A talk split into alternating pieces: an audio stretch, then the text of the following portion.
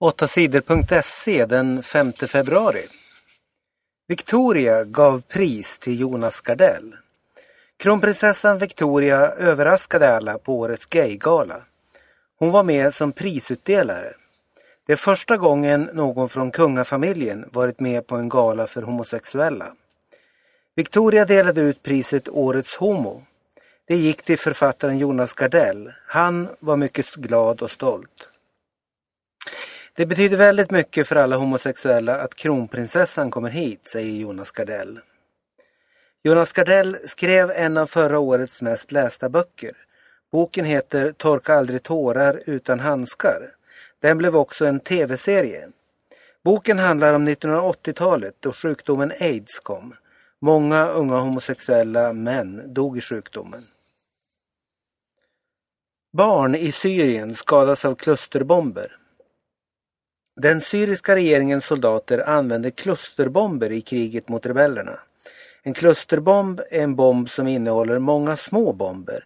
De sprids och kan skada väldigt många människor. Många barn i Syrien har skadats av klusterbomberna. Det säger människorättsgruppen HRV. En klusterbomb slog ner nära gränsen mot Turkiet i förra veckan. Flera barn skadades och vårdas nu på ett sjukhus i Turkiet. Oskyldiga barn skadas. Vi vill ha bättre skydd, säger pappan till ett av de skadade barnen till Ekot. Syriens regering säger att militärerna inte använder klusterbomber. Många körde av vägen på hala vägar. Snön har ställt till stora problem på vägarna under natten och morgonen. På vägen E4 nära Norrköping välte en lastbil i natt. Vägen stängdes och två eh, som åkte i lastbilen fick åka till sjukhus. På vägen E20 halkade en annan lastbil av vägen. Det hände norr om Laxå. Flera andra olyckor har hänt på grund av de hala vägarna. Väderexperterna varnar för att det kommer att vara halkigt på många vägar under tisdagen. Skellefteås lagledare tvingas sluta. Ishockeylaget Skellefteå har varit i SM-final de två senaste säsongerna. Nu leder laget elitserien. Tränaren Anders Forsberg kan känna sig nöjd med sitt jobb. Hans lag är bland de allra bästa i Sverige. Men nu tvingas han plötsligt sluta. Klubben ger honom sparken.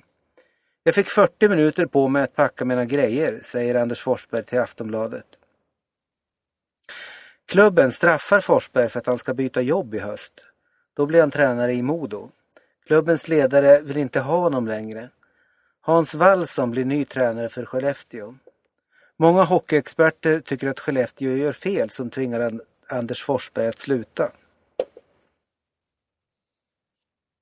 Europeisk polis avslöjar fotbollsfusk. En liga brottslingar har tjänat stora pengar på att fuska i spel. Brottslingarna har betalat pengar till fotbollsspelare, domare och tränare. De ska ha sett till att matcherna slutat på ett bestämt sätt. Sen har brottslingarna vunnit pengar genom att spela på matcherna. Den europeiska polisen, Europol, tror att flera hundra fotbollsmatcher kan ha varit uppgjorda. Poliserna säger att det har fuskats i både VM-kvalmatcher och matcher i Champions League. Flera hundra spelare och domare har fått pengar för att se till att deras lag förlorat matcher, säger chefen för Europol. Ligan kan ha tjänat flera hundra miljoner kronor på fusket. Demonstrant dödades av poliser i Egypten. Bråken i landet Egypten fortsätter. Många människor demonstrerar mot landets ledare Mohammed Morsi. De är arga för att presidenten har gett sig själv mer makt. Poliserna använder mycket våld för att stoppa demonstrationerna. En man blev så illa slagen att han dog av skadorna. Många människor har samlats på Frihetstorget i Kairo för att protestera mot polisernas våld. Egyptens kulturminister har slutat i protest mot det som hänt. Moderat politiker kan ha fuskat med bidrag. En moderat politiker i Söderhamn kan ha fuskat till sig flera miljoner kronor. Politikern kan ha lurat Försäkringskassan på minst 3 miljoner kronor, tror poliserna. Politikern sitter i rullstol. Han har anställt sina två söner som personliga assistenter. Under sju år ska politikern ha fått pengar till lön åt sönerna. Men den ene sonen var i Australien och den andra arbetade som butikschef i Stockholm. De har inte tagit hand om sin pappa. Mannen har nu tagit paus från politiken. 16-åring blev våldtagen i garage. En 16-årig flicka i Malmö blev våldtagen på måndagen.